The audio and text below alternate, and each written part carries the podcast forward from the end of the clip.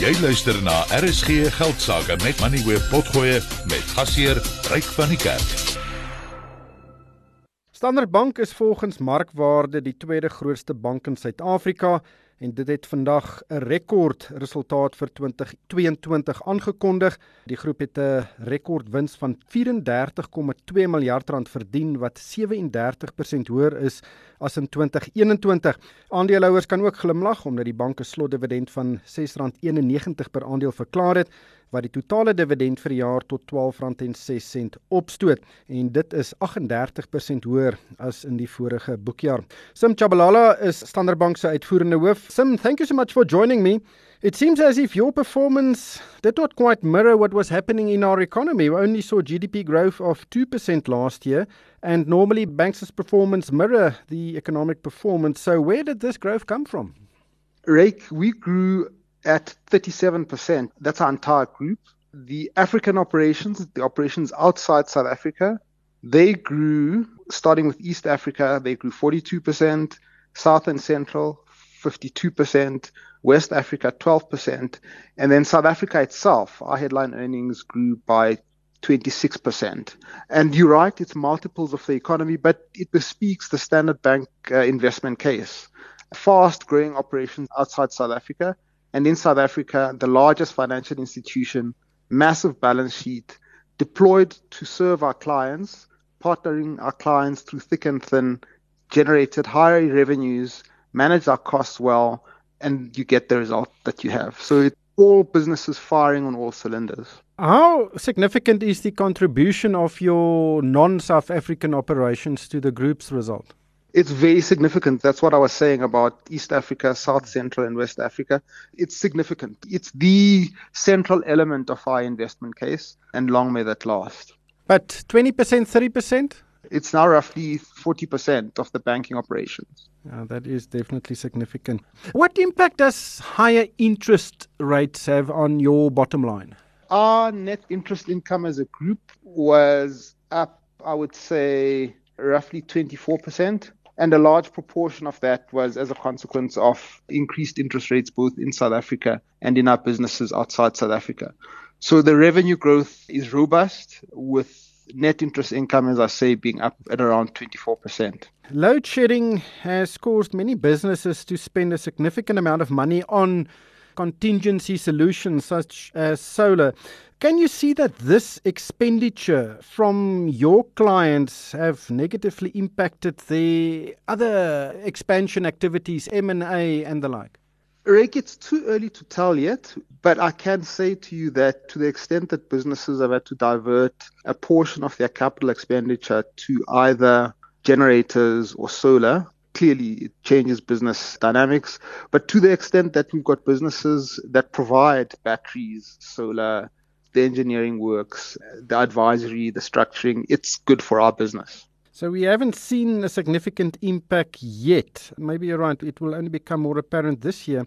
But you also state in your results that your diesel bill increased from around 18 million in 2021 to 75 million rand in 2022.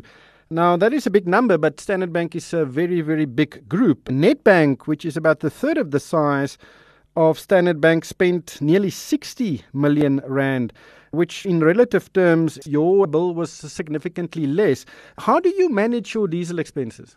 So, first of all, we are quite judicious in which parts of our installations we put generators. So, some of our buildings have got generators. But we're also very focused on our net zero commitments. So the building I'm talking to you from, which is our Baker Street building, is a green building. So some of our buildings use solar panels, others use gas, and then others use electricity and generators to the extent that power is not available. That building is in Rosebank. Yes, your favorite building in Rosebank, Craig. I know it's received a reward that is the greenest building in South Africa some time ago. Very interesting place indeed. But we are really in a tough time in South Africa's history. People are very negative. We're going to see depressed economic growth over the next year, maybe even the next several years. How do you approach this market environment? Because I would assume a 37% increase in headline earnings is not sustainable in such an environment. What are the facts? Fact one the JSE top 40 is up by more than 20% since September last year. What's the proposition? Investors actually see South Africa as a great investment opportunity. Second, a large number of people that are going to be reporting will be reporting double digit growth as a consequence of them having identified uh, opportunities to invest. Third, if one looks at the State of the Nation address, the budget, and looks at the list of structural reforms that are in play, well, there may be an improved reliability of the existing Eskom plant if the presidency's plan is executed. So we would like to see that happen. We'd like to see accelerating private investment in generation capacity and allowing that generation into the grid. And therefore, transmission becomes uh, important to sort out. When I see more distributed power, allowing the accelerated procurement of renewables and gas and battery capacity.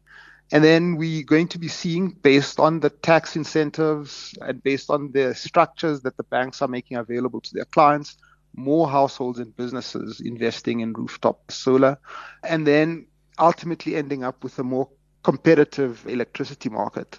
Hopefully, the same sort of approach is followed in transport. We sort out the roads, we sort out rail, continue the rollout of the spectrum so that it's cheaper for businesses to run their businesses, deal with the water challenges, sort out the municipalities which have been identified as challenges, in particular to the extent that uh, water reticulation and sewage systems need to be fixed.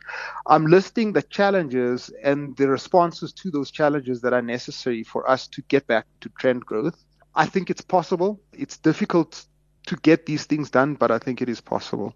But there's a big opportunity cost because that money that will be spent to solve those problems are not very productively spent.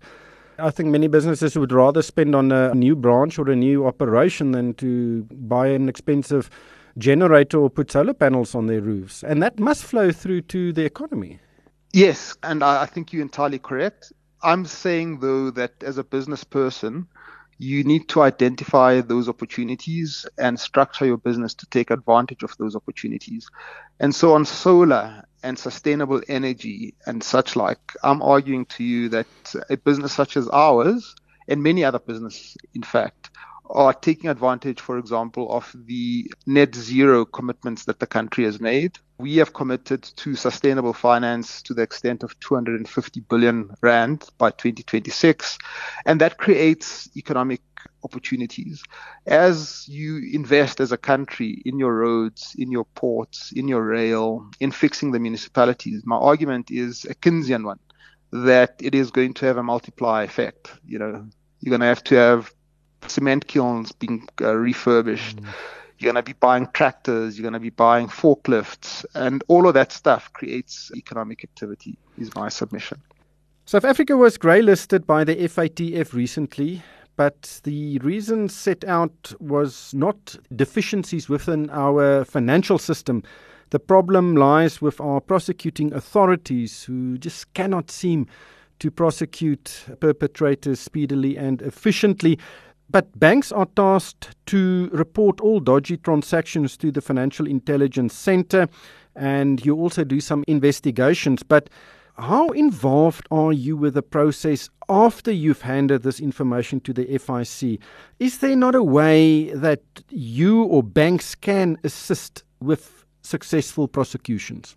Of the eight things that FATF has listed, a lot are in train.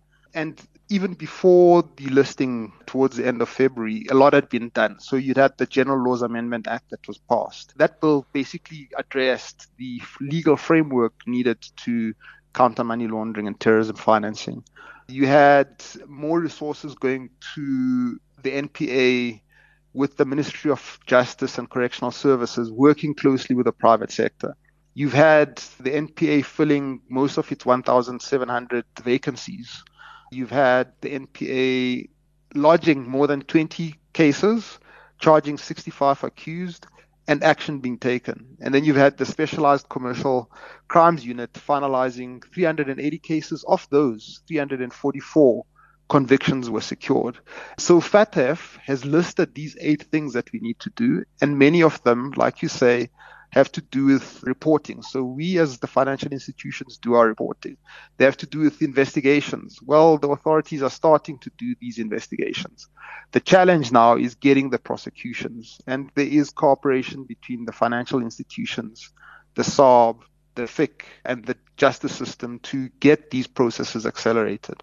We're hoping, Rick, that in three years' time we get off that list, but we hope because we are champions as South Africa, we can beat Mauritius at this and do it in less than 18 months. The Minister of Finance, Enoch Godongwana, has stated publicly that he believes we can get off the list in 18 months. Hopefully, that follows some successful prosecutions and an increase in confidence levels in South Africa that we can prosecute fraudulent activities swiftly and efficiently. But, Sim, thank you so much for your time today. That was Sim Tshabalala, the Chief Executive of Standard Bank. Jy het geluister na RSG Geldsaake met Money where potgoe elke weeksdag om 7 na middag. Vir meer Money where potgoe, besoek moneyweb.co.za of laai die toepassing af en volg Moneyweb News om dagliks op hoogte te bly.